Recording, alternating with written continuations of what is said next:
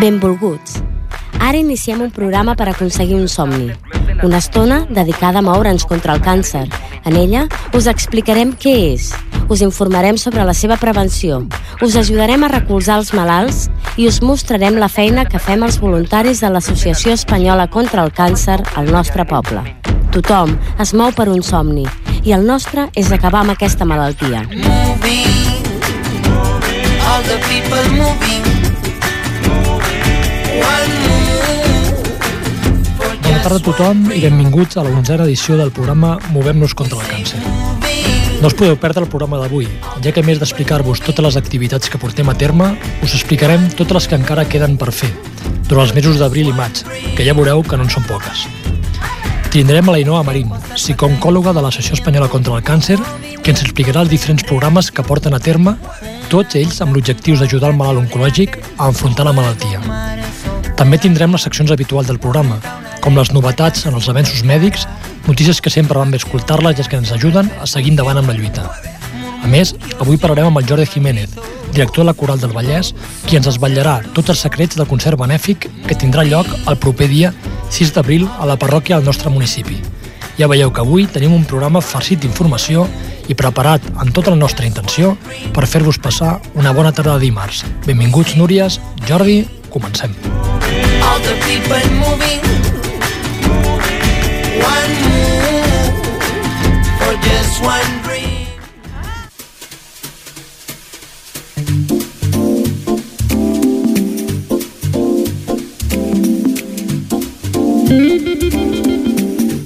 Els voluntaris.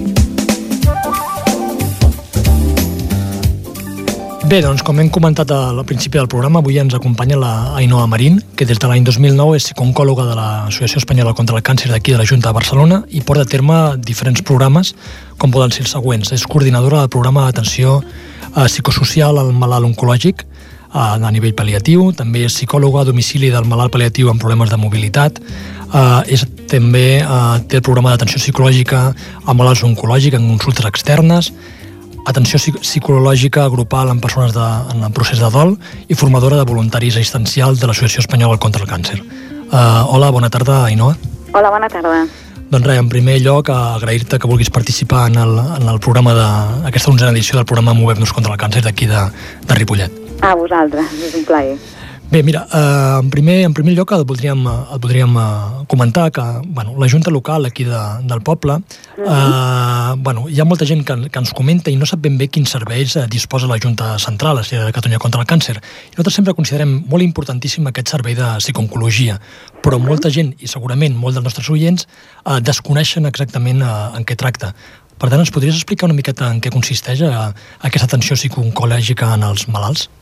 I, I tant que sí. Mira, eh, des de la Junta de Barcelona tenim tot un equip de professionals format per psicòlegs i una treballadora social que oferim suport psicològic i social gratuït eh, de la mà d'aquests professionals que som tots especialitzats, dirigit tant al malalt com a la seva família en el procés de malaltia, en qualsevol etapa de la malaltia.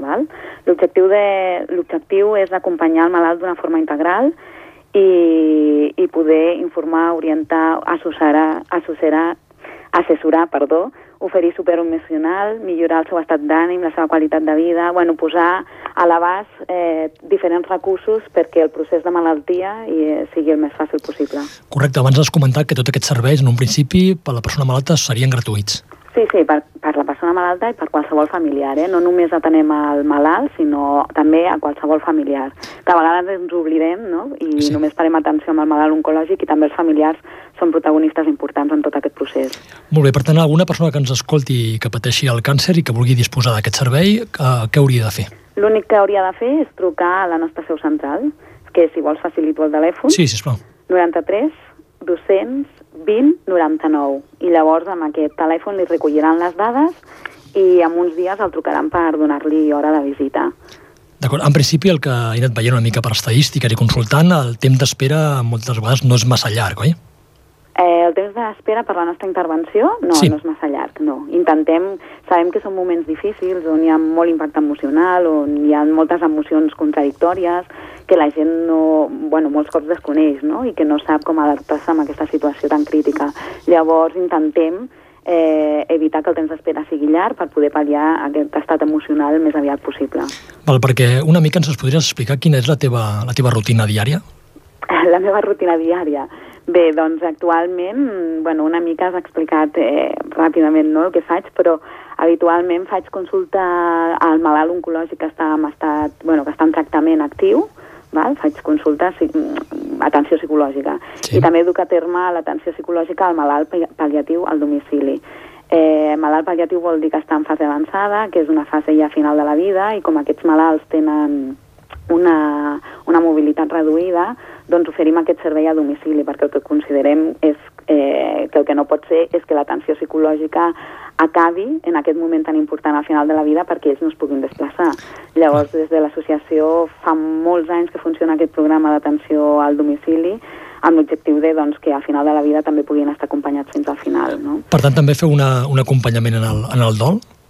Eh, bueno, amb el dol el fem amb les famílies. Sí. Un cop la persona, la persona si malauradament no, no ha superat la malaltia Sí. i acaba morint, doncs acompanyem a la família, és el que et deia, no? També són protagonistes molt importants en aquest procés i a vegades són els grans oblidats. La família també, bueno, pateixen una pèrdua important i a vegades necessiten ser acompanyats més endavant, més enllà de la mort, no? D'aquest familiar. Per tant, queda clar una mica que el servei no únicament és també per la malalta, sinó també per la família que, que està, eh? que no és únicament per malalt, sinó per malalt també i per la família que l'envolta. Exacte, la família no només després de, de la Sí, mort, clar, eh, clar, sinó clar, clar. durant el procés, no? perquè a vegades també el familiar es troba en situacions que no sap gestionar, amb les emocions del malalt que a vegades són difícils també de, de controlar no? I, de, i de gestionar i, i com a persona que acompanyem també hem d'estar preparats per, per abordar aquesta situació. No? D'acord, i els, uh, una pregunta que ens en planteja és una mica que si tots els malalts de càncer accepten aquest ajut uh, psicooncològic o a vegades uh, no tothom accepta? Eh, no, a vegades no tothom l'accepta. El que és fonamental i crec que, que hem de fer, bueno, hem de donar impor- eh, hem de fer el que és fonamental és que les persones coneguin el servei. Després ja cada, cada malalt decideix si fer-lo servir o no fer-lo servir. El que no pot ser és que un malalt tingui malestar emocional i no sàpigui on recórrer, o no sàpigui on anar, o no sàpigui que existeix un psicooncòleg. Correcte, això Val. és el, que volem fer-ne més difusió perquè moltes Clar. vegades eh, la gent pel carrer diu, i això de l'associació que dona què, què feu? No? Doncs Clar, un clar, servei molt, vegades- creiem que és bàsic, és aquest, i la gent desconeix. Per tant, el que ens importaria, el que ens importa d'això precisament és, és fer-lo conèixer, que és la, la tasca principal que, que des de la ràdio des d'això volem, volem fer. clar. Home, és que és fonamental, eh? I jo crec que amb això li hem de donar molta importància, que la persona sàpigui que eh, en un moment de malestar emocional intens pot demanar ajuda, que hi ha recursos per, per posar a terme i perquè aquest malestar quedi una mica pal·liat o, o, bueno, o millori no? aquest estat Clar. emocional. El que no pot ser és que es quedin sense el servei per no conèixer-lo. Nosaltres- A partir sí. d'aquí cadascú és lliure de decidir. Hi ha gent doncs, que, bueno, que pensa que el psicòleg no, no, no pot ajudar i hi ha gent que sí. Això ja és una opció molt personal, no? Clar. Però en tot cas, eh, davant del dubte, jo sempre penso que és millor consultar i després ja decidiran. Sí, sí, correcte. Nosaltres també des d'aquí, ara actualment quan alguna persona demana el servei, clar, ha d'anar fins a Sabadell, on, on, on hi ha els psicooncòlegs. Sí. Nosaltres des d'aquí, des de la Junta Ripollet, Montcada, Cerdanyola, intentarem fer també, un, bueno, ja portem temps pensant com una demanda, aviam si podríem tenir un psicooncòleg en aquesta zona, perquè molta gent és, és gran i quan li diu de desplaçar a Sabadell, eh, doncs no, no li va bé. Aviam si és una lluita que entre les tres juntes locals eh, és, intentarem portar a terme Ah, en un bé. futur. Sí, ja ho hem parlat amb Cerdanyola i també podem fer-ho amb Montcada i demanaríem aviam si podien tenir algunes consultes d'un dia a la setmana o el que creïn convenient en, en algun lloc d'aquests tres, tres municipis. recurs. Això mateix. molt bé. Això mateix. molt bé. Després també algunes preguntes que voldríem fer-te així en, en general, que la gent ens ho avui bueno, preguntant pel carrer quan sabia que t'entrevistaven. I una pregunta que era molt recurrent era que eh, si a una persona malalta sempre li hem de dir tota la veritat en aquest cas o no? O no? Bueno, aquesta és una pregunta amb molta controvèrsia, eh? Bueno, Mhm. t'explicaré, vale? El No, te la malalt... faig perquè una pregunta que m'han anat, quan veníem Sí, a la ràdio, sí. me l'han anat dient, clar, però ho hem de dir-ho tot, o hem d'amagar alguna cosa, o qui li de dir, etc. Bueno, si pot resoldre probablement t'ho preguntaven familiars, Sí, no? sí. familiars. Clar, el tema de la informació és un tema fonamental, però no hem d'oblidar que el pacient eh, té el dret de, de conèixer la informació i sobretot el dret de decidir, no? Decidir si vol la informació o si no la vol, no? A vegades eh, el familiar és la, la, veu, la veu cantant d'aquesta situació quan realment sí el pacient té totes les seves capacitats cognitives i és capaç de decidir, ha de ser ell qui decideix si fins a quin punt vol saber la informació o no la vol saber. Val? Que a vegades eh, els familiars fan una mica de pantalla, no? perquè sempre hi ha el temor doncs, que rebre tota la informació és dolent, eh, no, a vegades no tenir la informació perjudica més que tenir-la perquè la nostra cap o el, bueno, la nostra ment pot fer unes fantasies que van més enllà de la realitat, no? Ja. Però qui ha de controlar eh, aquest procés informatiu sempre és el pacient. Qui ha de tenir l'autonomia de controlar aquest, aquest procés és el pacient, en tot cas.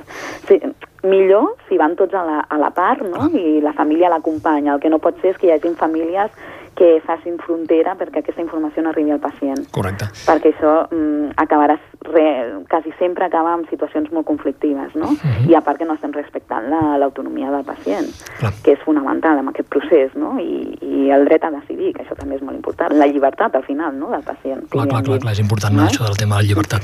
El que passa que des de la família a vegades hi ha pors que, que a vegades són pors, bueno, que són molt naturals, no? però Clar. també per desconeixement. Eh? Vull dir, si se'ls explica a les famílies quins, bueno, quins efectes positius pot tenir que tingui la informació o que no la tingui, a, a, bueno, al final ho acaben entenent. No?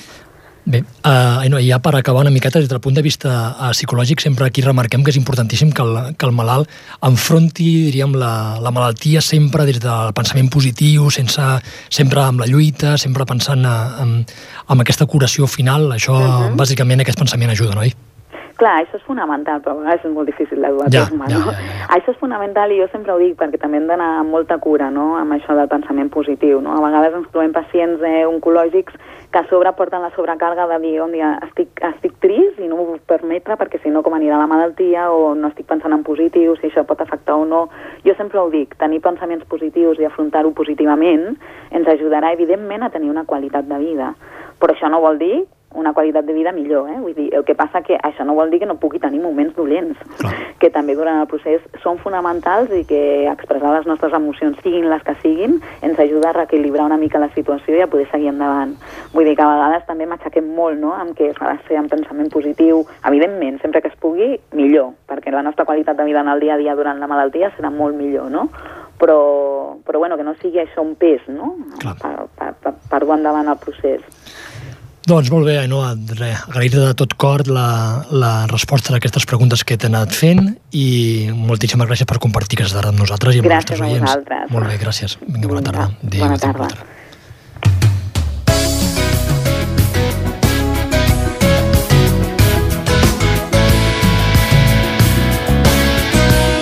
El monogràfic.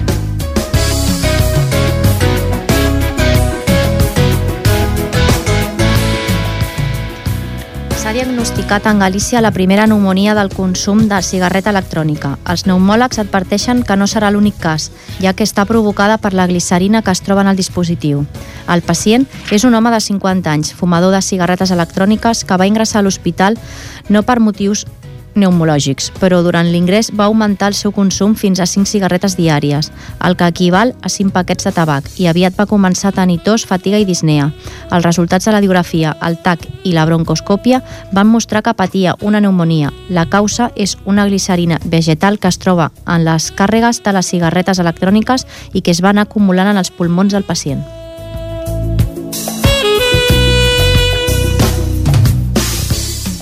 En relació amb el càncer d'ovari, científics americans vinculen aquesta patologia amb l'obesitat.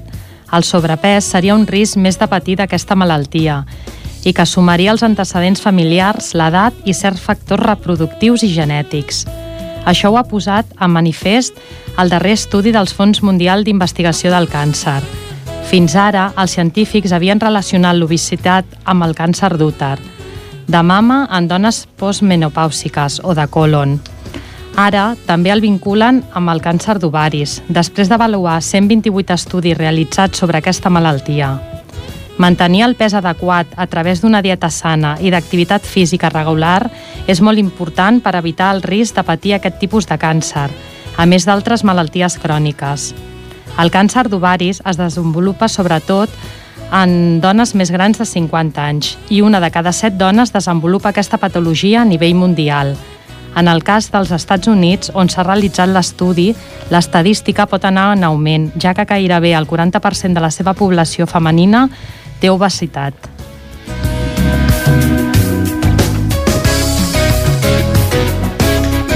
L'oncòleg català Josep Balsega presidirà l'Associació Americana d'Investigació del Càncer, la més gran organització científica del món sobre aquesta malaltia. Balsega és actualment director mèdic d'un hospital de Nova York i director del Comitè Científic de l'Institut d'Oncologia de l'Hospital Vall d'Hebron de Barcelona. L'investigador prendrà possessió del seu nou càrrec durant el congrés anual de l'associació que presidirà, que se celebrarà el proper mes d'abril.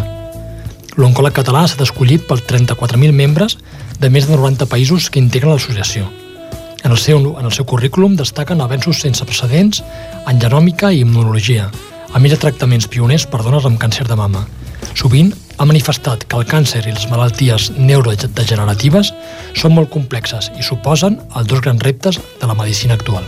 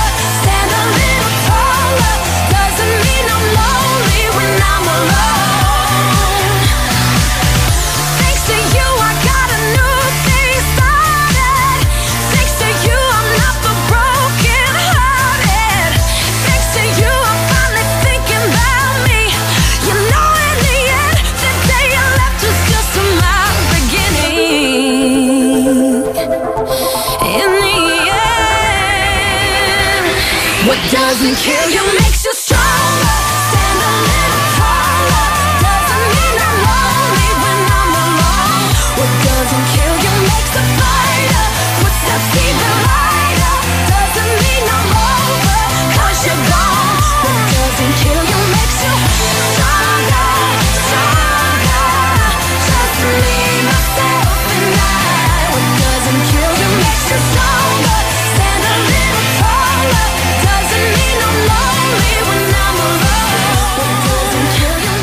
Bé, doncs, tals i com diu la, la cançó, Stronger, eh? hem de ser dur i enfrontar, com ens ha comentat la, la Inoa, doncs enfrontar la malaltia a la cara i amb, i amb molta força.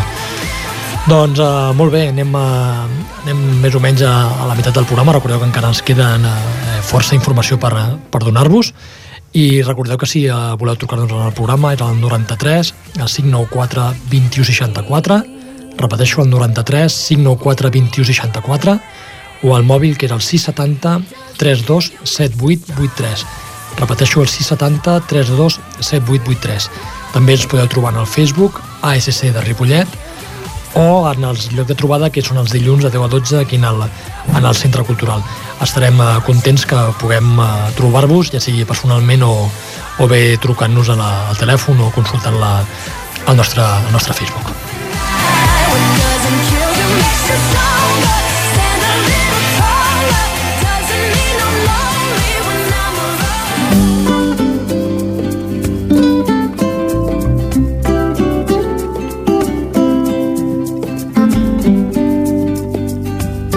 L'entrevista.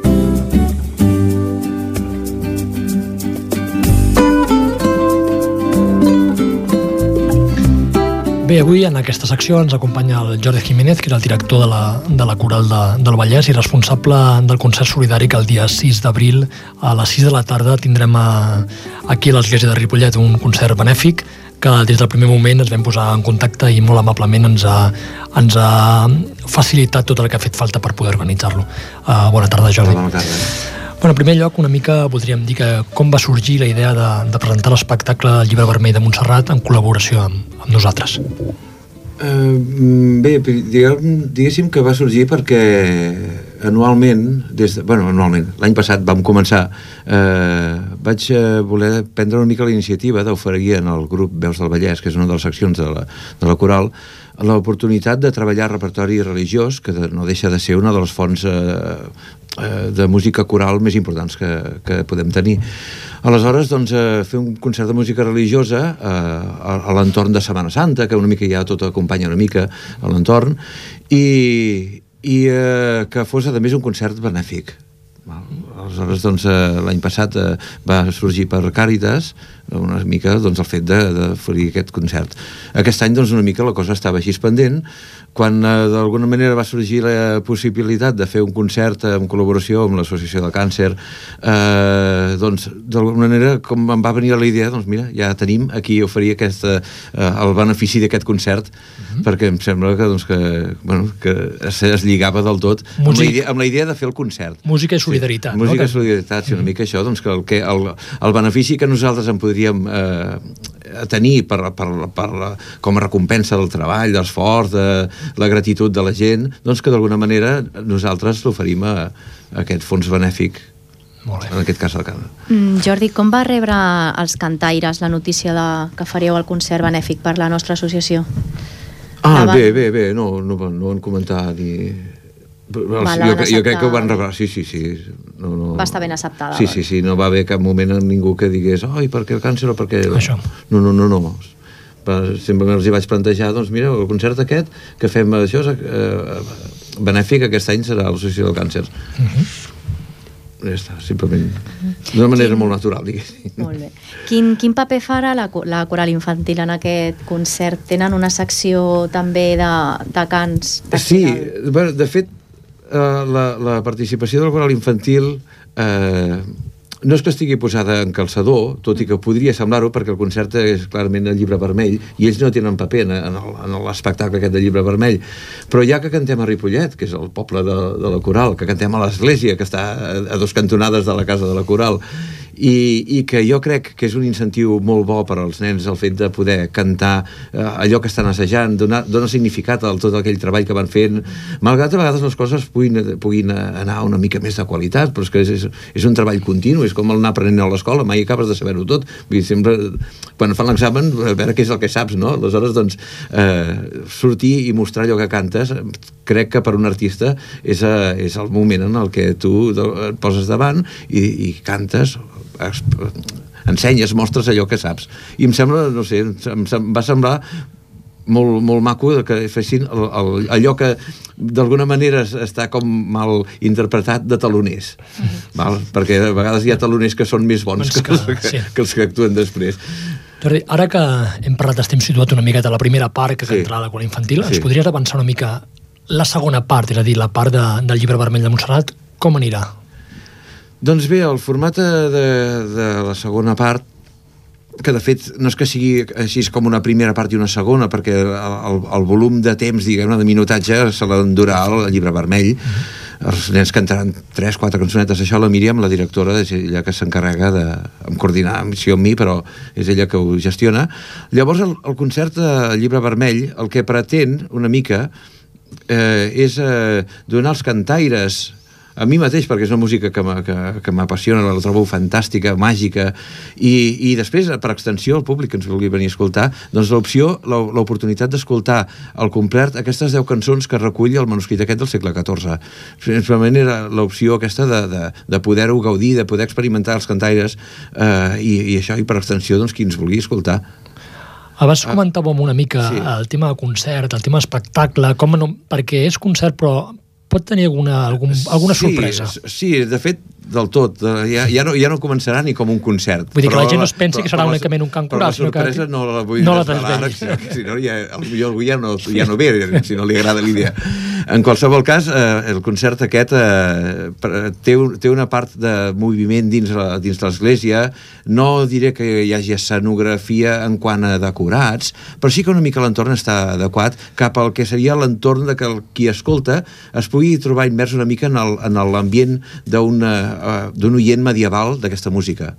La, la, persona que estigui en el públic estarà asseguda en allà i, i anirà sentint com potser per, pel darrere o pel costat estan sonant melodies del llibre vermell ah. eh, hi haurà, hi haurà una, una escenificació diguéssim una mica en plan vestuari adequada al que és l'entorn eh, llu- il·luminació una mica amb espelmes és a dir que, que tot ens durà a, a, a, a dur-nos una mica en el món entre cometes medieval pseudo-medieval, entenguem-nos, estem, estem al ple segle XXI, aleshores, doncs, eh, eh, això. Però jo crec que pot ser molt interessant perquè no serà el concert aquell típic on tu veus la gent, eh, els, els, eh, els intèrprets, a l'escenari estàtics, vestits del clàssic Sí. negre o de trajo, o el que sigui, no. Jo vull trencar amb aquesta idea per aquest tipus d'espectacle. Molt bé. Serà molt maco. Una pregunteta. Els joglars de Ripollet, qui són? És una història molt llarga per explicar Perquè jo això temps. mm, no ho sabia. Sí, uh, som, teníem clar el tema de la qual infantil, tenim Sí. clar la jugada també, però els juglars... És una història Aquí molt no llarga i no, i no, sé, no sabria ni com fer un resum. Però, però d'alguna manera, eh, i explicat així molt ràpidament, eh, una de les meves aficions sempre ha estat la història, la història especialment medieval. Ah. Potser, segurament, per això el llibre vermell doncs, eh, ocupa un lloc important en la, en la música que a mi m'agrada. Eh, però, eh, a part de la música, eh, vaig eh, trobar una, un grup de persones que feien una difusió històrica que segurament coneixerem més amb el cas dels Miquelets de Girona, aquests que es vesteixen així històricament, doncs feien unes recreacions, que es diu així, de l'època medieval. I en, en llocs com podríem conèixer Montblanc o, o Vic, que es fan fires, no són els exemples millors per, per això, per situar aquests, eh, aquests esdeveniments històrics, però en, en entorns així, doncs hi ha un grup de persones, grups de persones, n'hi ha bastants, que, que ambienten d'alguna manera i documenten vivint la història, eh, plantant tendes, fent els campaments i, i en aquest entorn. Aleshores, jo vaig integrar-me en un d'aquests grups i eh, a, a partir del meu rol com a músic en la vida normal, doncs eh, vaig eh, crear en el meu nucli familiar i amb algun amic doncs, eh, aquest, un grup que ens vam dir, perquè ens van demanar un nom per un programa, Joglars de Ripollet. Vaig uh -huh. posar, va sortir així d'una manera com... Que, quin nom us voleu dir? Mira, Joglars, perquè són els músics de l'època, i oh, doncs de Ripollet i eh, aquest va ser el nom. Això ja fa un parell d'anys que dura, i hem fet eh, una mica més, i hem fet uns quants concerts eh, en els que doncs, hem fet molta música diversa. La meva idea de fer el llibre vermell va ser per omplir un d'aquests concerts que tenim al, al maig, que ja en tenim un altre també eh, eh, aquest concert del maig és a Ciutadilla, un poble de, prop de Tàrrega en tenim un altre també a Vila de Cavalls i, i després doncs eh, va venir lligat amb aquest que va venir aquí a Ripollet el fet de fer aquest llibre vermell que era un programa que teníem que estàvem muntant i que em va semblar genial. Jugadors de Ripollet no és més que això, doncs un grupet de, on canto jo, la Pilar, la meva dona, els nens també participen, els vaig integrant en el món musical i, i a vegades han participat companys professionals perquè no deixa de ser en, els, en certs moments eh, una activitat semiprofessional. I tindran, Per mi ho és, vaja. Per tant, tindran un paper també important dins del concert. Seran l'orquestra, d'alguna manera. Orquestra, músics que, que toquen, canten i estarà, serà molt fusió amb tots els cantaires de la coral. Serà tot fusionat. S'haurà no? A d'anar el dia 6 per... I tant, no us ho podeu perdre. No, jo no m'ho perdré. doncs, Albert, tens alguna pregunta més? Bueno, recordar eh, aquesta data, el dia 6 d'abril, a, Sí. a les 6 de la tarda. Recordem que en principi el, el concert és, diríem que no hi haurà una entrada com a tal, sinó que posarem unes guardioles de caràcter, diríem, de, de donatiu, per tant és obert a tothom qui, qui vulgui, qui vulgui veure-la, i, bueno, i després en que ens ha dit el Jordi, tothom eh, ja tindria ganes que, que fos el dia doncs, per veure, perquè realment crec que és, diríem que sí, és que has l'espectacle, diríem, eh, eh, principal de l'associació durant aquest any. L'any passat any, va ser sí. l'espectacle de dansa, La dansa i i aquest aquest any any. tenim l'espectacle de, de música, en aquest cas eh, medieval. No sé, Jordi, si vols aportar alguna coseta. Sí, bueno, simplement doncs, que, que el tipus aquest de concert medieval jo tota la vida he vist concerts per aquí, per allà, i a Ripollet n'he vist bastants també, però em sembla que fins i tot que pot ser un concert molt original, poc vist, el llibre vermell jo mateix sencer no l'he escoltat eh, directe mai, aleshores doncs eh, jo crec que, que si el fessin jo hi anava segur, si no fos jo qui participava. Només per poder viure l'experiència aquesta de sentir aquestes 10 cançons que n'hi haurà més, evidentment. Hi haurà més, el concert té una mica més de contingut Eh, Jordi, si algú ens està sentint Sí. i diu oi, a mi m'agradaria venir a la coral, ens pots dir l'adreça? Ah, sí, nosaltres som, eh, estem assajant a la plaça Clos, Sí. eh, número 3, és una casa que... Bueno, i comencem a fer bastantes activitats en allà, però de totes maneres tenim un blog que ara no me'l facis dir perquè de memòria no te'l deixa, No però si ens busquen Ripollet Coral o pregunten aquí al Centre Cultural Perfecte. eh, hi ha paperets i, i evidentment si ve algú que vol cantar doncs eh, tenim tres seccions, la coral infantil la coral tradicional, que és un perfil una mica de gent una mica més, més gran. Veus del Vallès, que és els que faran eh, que s'emportaran tota la feinada del llibre vermell i que, que és una coral d'una mica de perfil una mica més jove, més, eh, més no vaig a dir activa, perquè es déu nhi la coral tradicional com, i l'infantil com treballen, eh? però són diferents eh, caràcters gairebé que una mica de, com a persones fins i tot també. Molt bé. Em, és fantàstic que em truquin o no sé, o que Sí, es sí, posin en contacte amb vosaltres mateixos Doncs sí, i ens eh, a vegades redreceu. pot haver-hi algú que ens estigui escoltant Sí, i al doncs meu molts ca- fill li agrada cantar, molts cantaires a partir, a partir d'aquest coneixement d'entrevistes o de venir a algun concert, molts cantaires s'han acostat a nosaltres per aquesta via, que em sembla que és la, la millor perquè veuen que allò els hi pot agradar, els hi pot Clar. interessar i vaja, Molt bueno, bé. jo, jo m'estic repensant, eh? Sí, molt bé. si, si torno a les meves andades de... molt bé, Mira, ja Núria, que tens, tens la porta No, oberta. no, mira, no, si per falta de temps, concert. eh? però a mi sempre m'ha agradat, de fet, jo Ja, ja havia sé, ja. cantat, llavors pues, em fa il·lu que la meva filla estigui i per, Mm. perquè no tinc temps, si no mm, potser hi tornaria. Bueno, mira, nunca és tard. Nunca és Sí, tard. a vegades, a vegades, a vegades la- l'afició és tan forta que el temps el treus d'on sigui. Això sí que és veritat. Sí, sí, sí. Doncs, Jordi, doncs res, agrair-te la teva presència aquí entre nosaltres Mm. i, i doncs perfecte, i ens veiem, si Déu vol, el dia- dia, el dia el dia 6 d'abril a les 6 a l'església del A municipi. Moltes gràcies. Jordi. Moltes gràcies. Gràcies. L'agenda.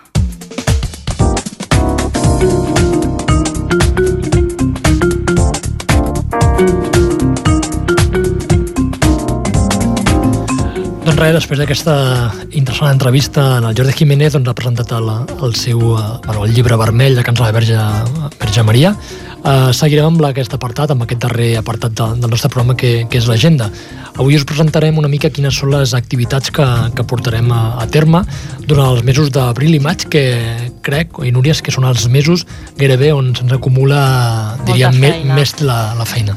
Doncs sí, bueno, ja us hem dit que el dia 6 tenim el concert de la Societat Coral i després ve el dia 13 d'abril, que està Sant Jordi a la Rambla, on tindrem la nostra paradeta, com ja fa uns quants anys, i bueno, ens trobareu allà, farem el típic sorteig. Paradeta amb novetats. I tant que tenim novetats. Tenim unes quantes novetats, a part del sorteig que venim fent cada any, doncs hem tingut la sort de que tenim unes noves col·laboracions que ens han vingut molt bé, la veritat, que són de Cosí Xerrà, que és una associació que fan manualitats de costura aquí al Centre Cultural i eh, s'han ofert per donar-nos gratuïtament pues, treballs manuals que han fet perquè els venguem i puguem treure recaudació per, per l'associació. La veritat és que és molt d'agrair perquè és una cosa que anàvem buscant Sí, també de, temps, eh? de poder fer de- coses així de manualitats per poder aportar. I després bueno, tenim una altra col·laboració que la Núria Teruel ens Ens ho explicarà. explicarà. Doncs res, també eh, tenim una col·laboració que és meva, tinc juntament amb una amiga, hem fet unes espelmes, tenim, es diu Cotton Rus, i hem fet unes espelmes i les donarem també a la CC, o sigui, són unes espelmes molt xules, van decorades, així amb puntilles, amb trossets de roba, eh, i em fan moltíssima olor i una espelma mm, que me, quin símbol més maco, no? Mm, Com una llum d'esperança per la malaltia. A mi, quan se'ns van venir aquestes noies a apropar de cosir xerrar, que ens donarien unes coses, doncs jo també em va sortir la idea doncs, de, també vol, de voler col·laborar també amb la CC i, i, bueno, i la Núria també farà unes cosetes. sí, farem punts de, lliu, de llibres de, per Sant Jordi i bueno, farem coseta. Aquest any ja estem més animadets. Recordem que tota, tota aquests objectes en principi són donatius eh, gratuïts, Sí. per tant els beneficis traurem directament diran cap a la lluita contra, contra, contra el càncer. Sí.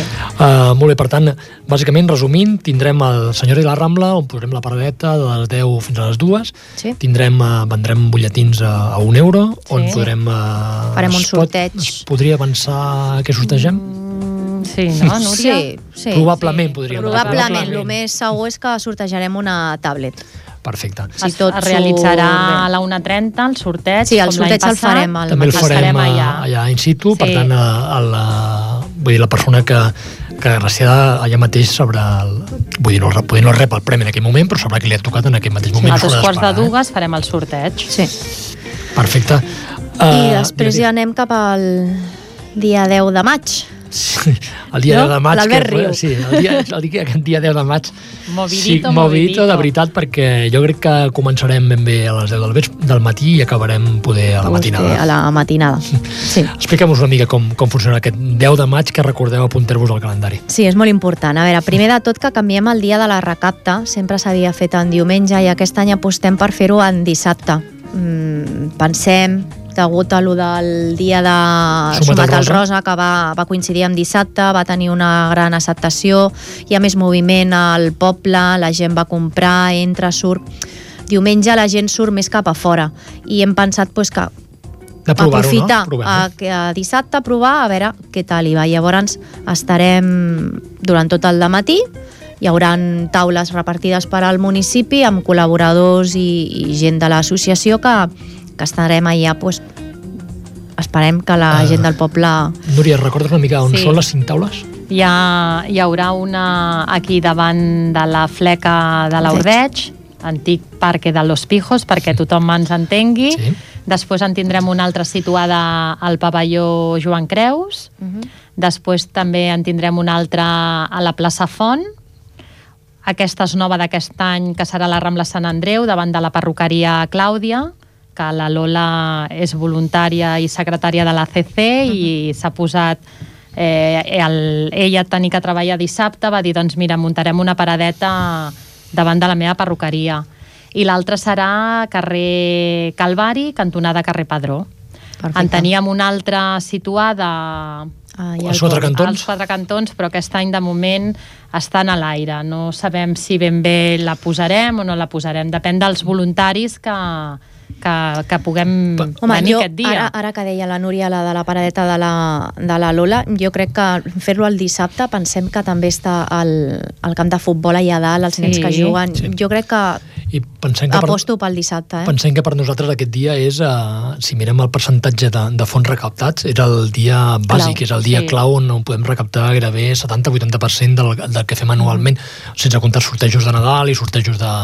És el dia clau, és el dia aquell que ens veurem les guardioles amb les cintes del cotxe, etc. Eh? Per tant, Sí. aquest dia 10 de maig, des de fins a, què? Fins a un quart de dues, Sí, dues, aproximadament, més sí. o menys que ja anirem eh, parant per Sí. fer tot el recompte de diners. I després enllacem a les 6 de la tarda amb un concert benèfic també que a Barcelona, que ens han vis, vingut a buscar personalment. Sí, perquè sí, tenim aquí és- l'Alberto Lendínez que també Sí. canta la coral i ens ha, bueno, ens ha facilitat toquen aquesta grups oportunitat. O, sí. Aviam, explica'ns com anirà. Són uns grups, no?, de, Cinc de, grups? cinc grups de música Rock, amb- rock varia, no? Sí. I, bueno, és en un centre cívic de Paria a la zona del Bord, Del bord de Barcelona, sí. del Bord de Barcelona, doncs es farà un concert des de les 6 de la tarda fins a les 12 del I, vespre. hi haurà cinc grups, I, sí. sí, hi haurà cinc grups i, bueno, i tot el que recaudi amb entrades, eh, begudes, entrepans i tal, pues, tot serà per l'associació del, eh, per tant, del aquí, càncer. com veieu, com sempre diem, el tema de, la, de col·laborar, etc. doncs aquest, aquest dia farà falta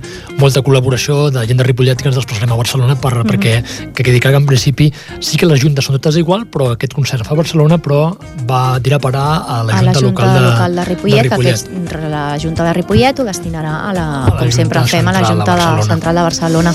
És a dir, que el dia 10 tenim un dia intens. Un dia molt intens i des d'aquí també volíem fer una crida si hi ha algun comerç que, que volgués col·laborar amb nosaltres. El, per exemple, farem entrepans per vendre. Sí, I hem I... de fer el sopar I hem de fer també un sopar doncs, pels músics, perquè Tot vindran... això ho hem de preparar nosaltres. I ho hem de Els- preparar. els Si hi ha músics. alguna botiga, fort de pa, que volgués col·laborar i ens volgués doncs, oferir doncs, 10 barres, 5 barres, el que fos, doncs aquí estem superagraïts. Pues sí. Recordem si algú ens escolta al 670 327883, eh? 670 327883 i li explicaríem en detall una mica com hauria de ser aquesta col·laboració. Sí. Doncs jo crec que tenim...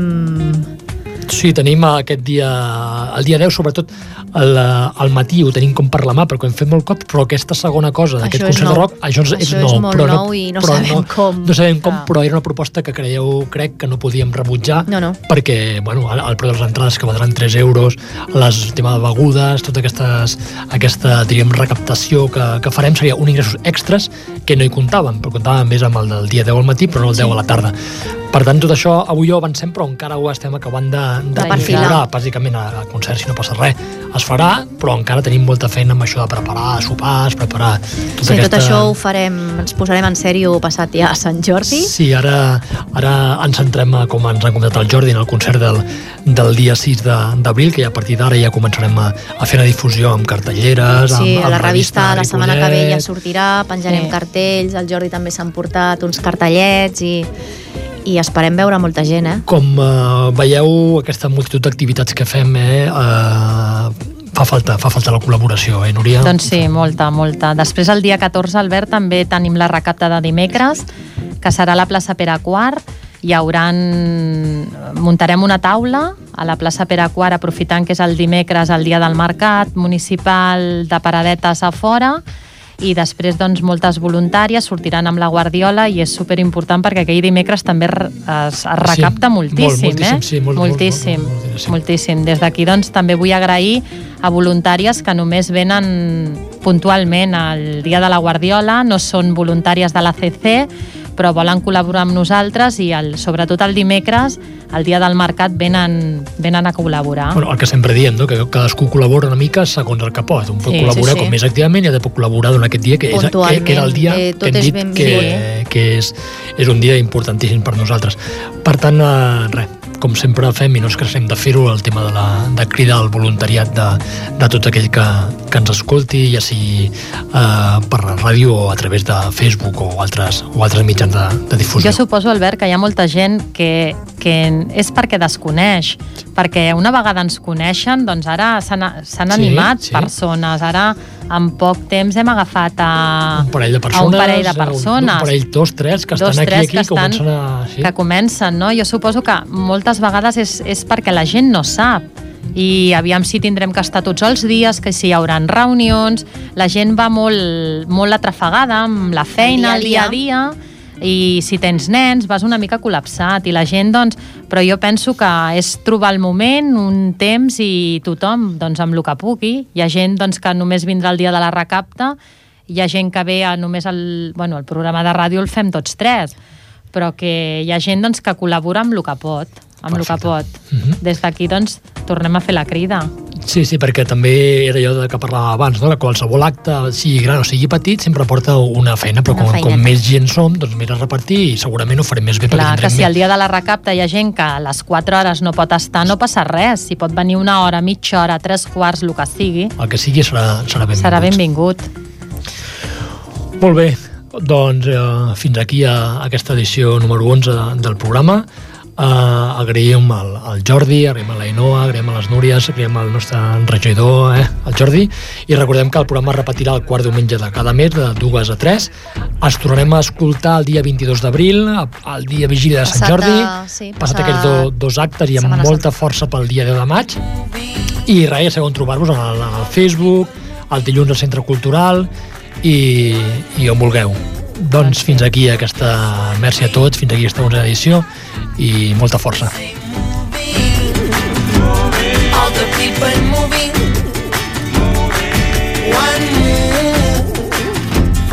One dream.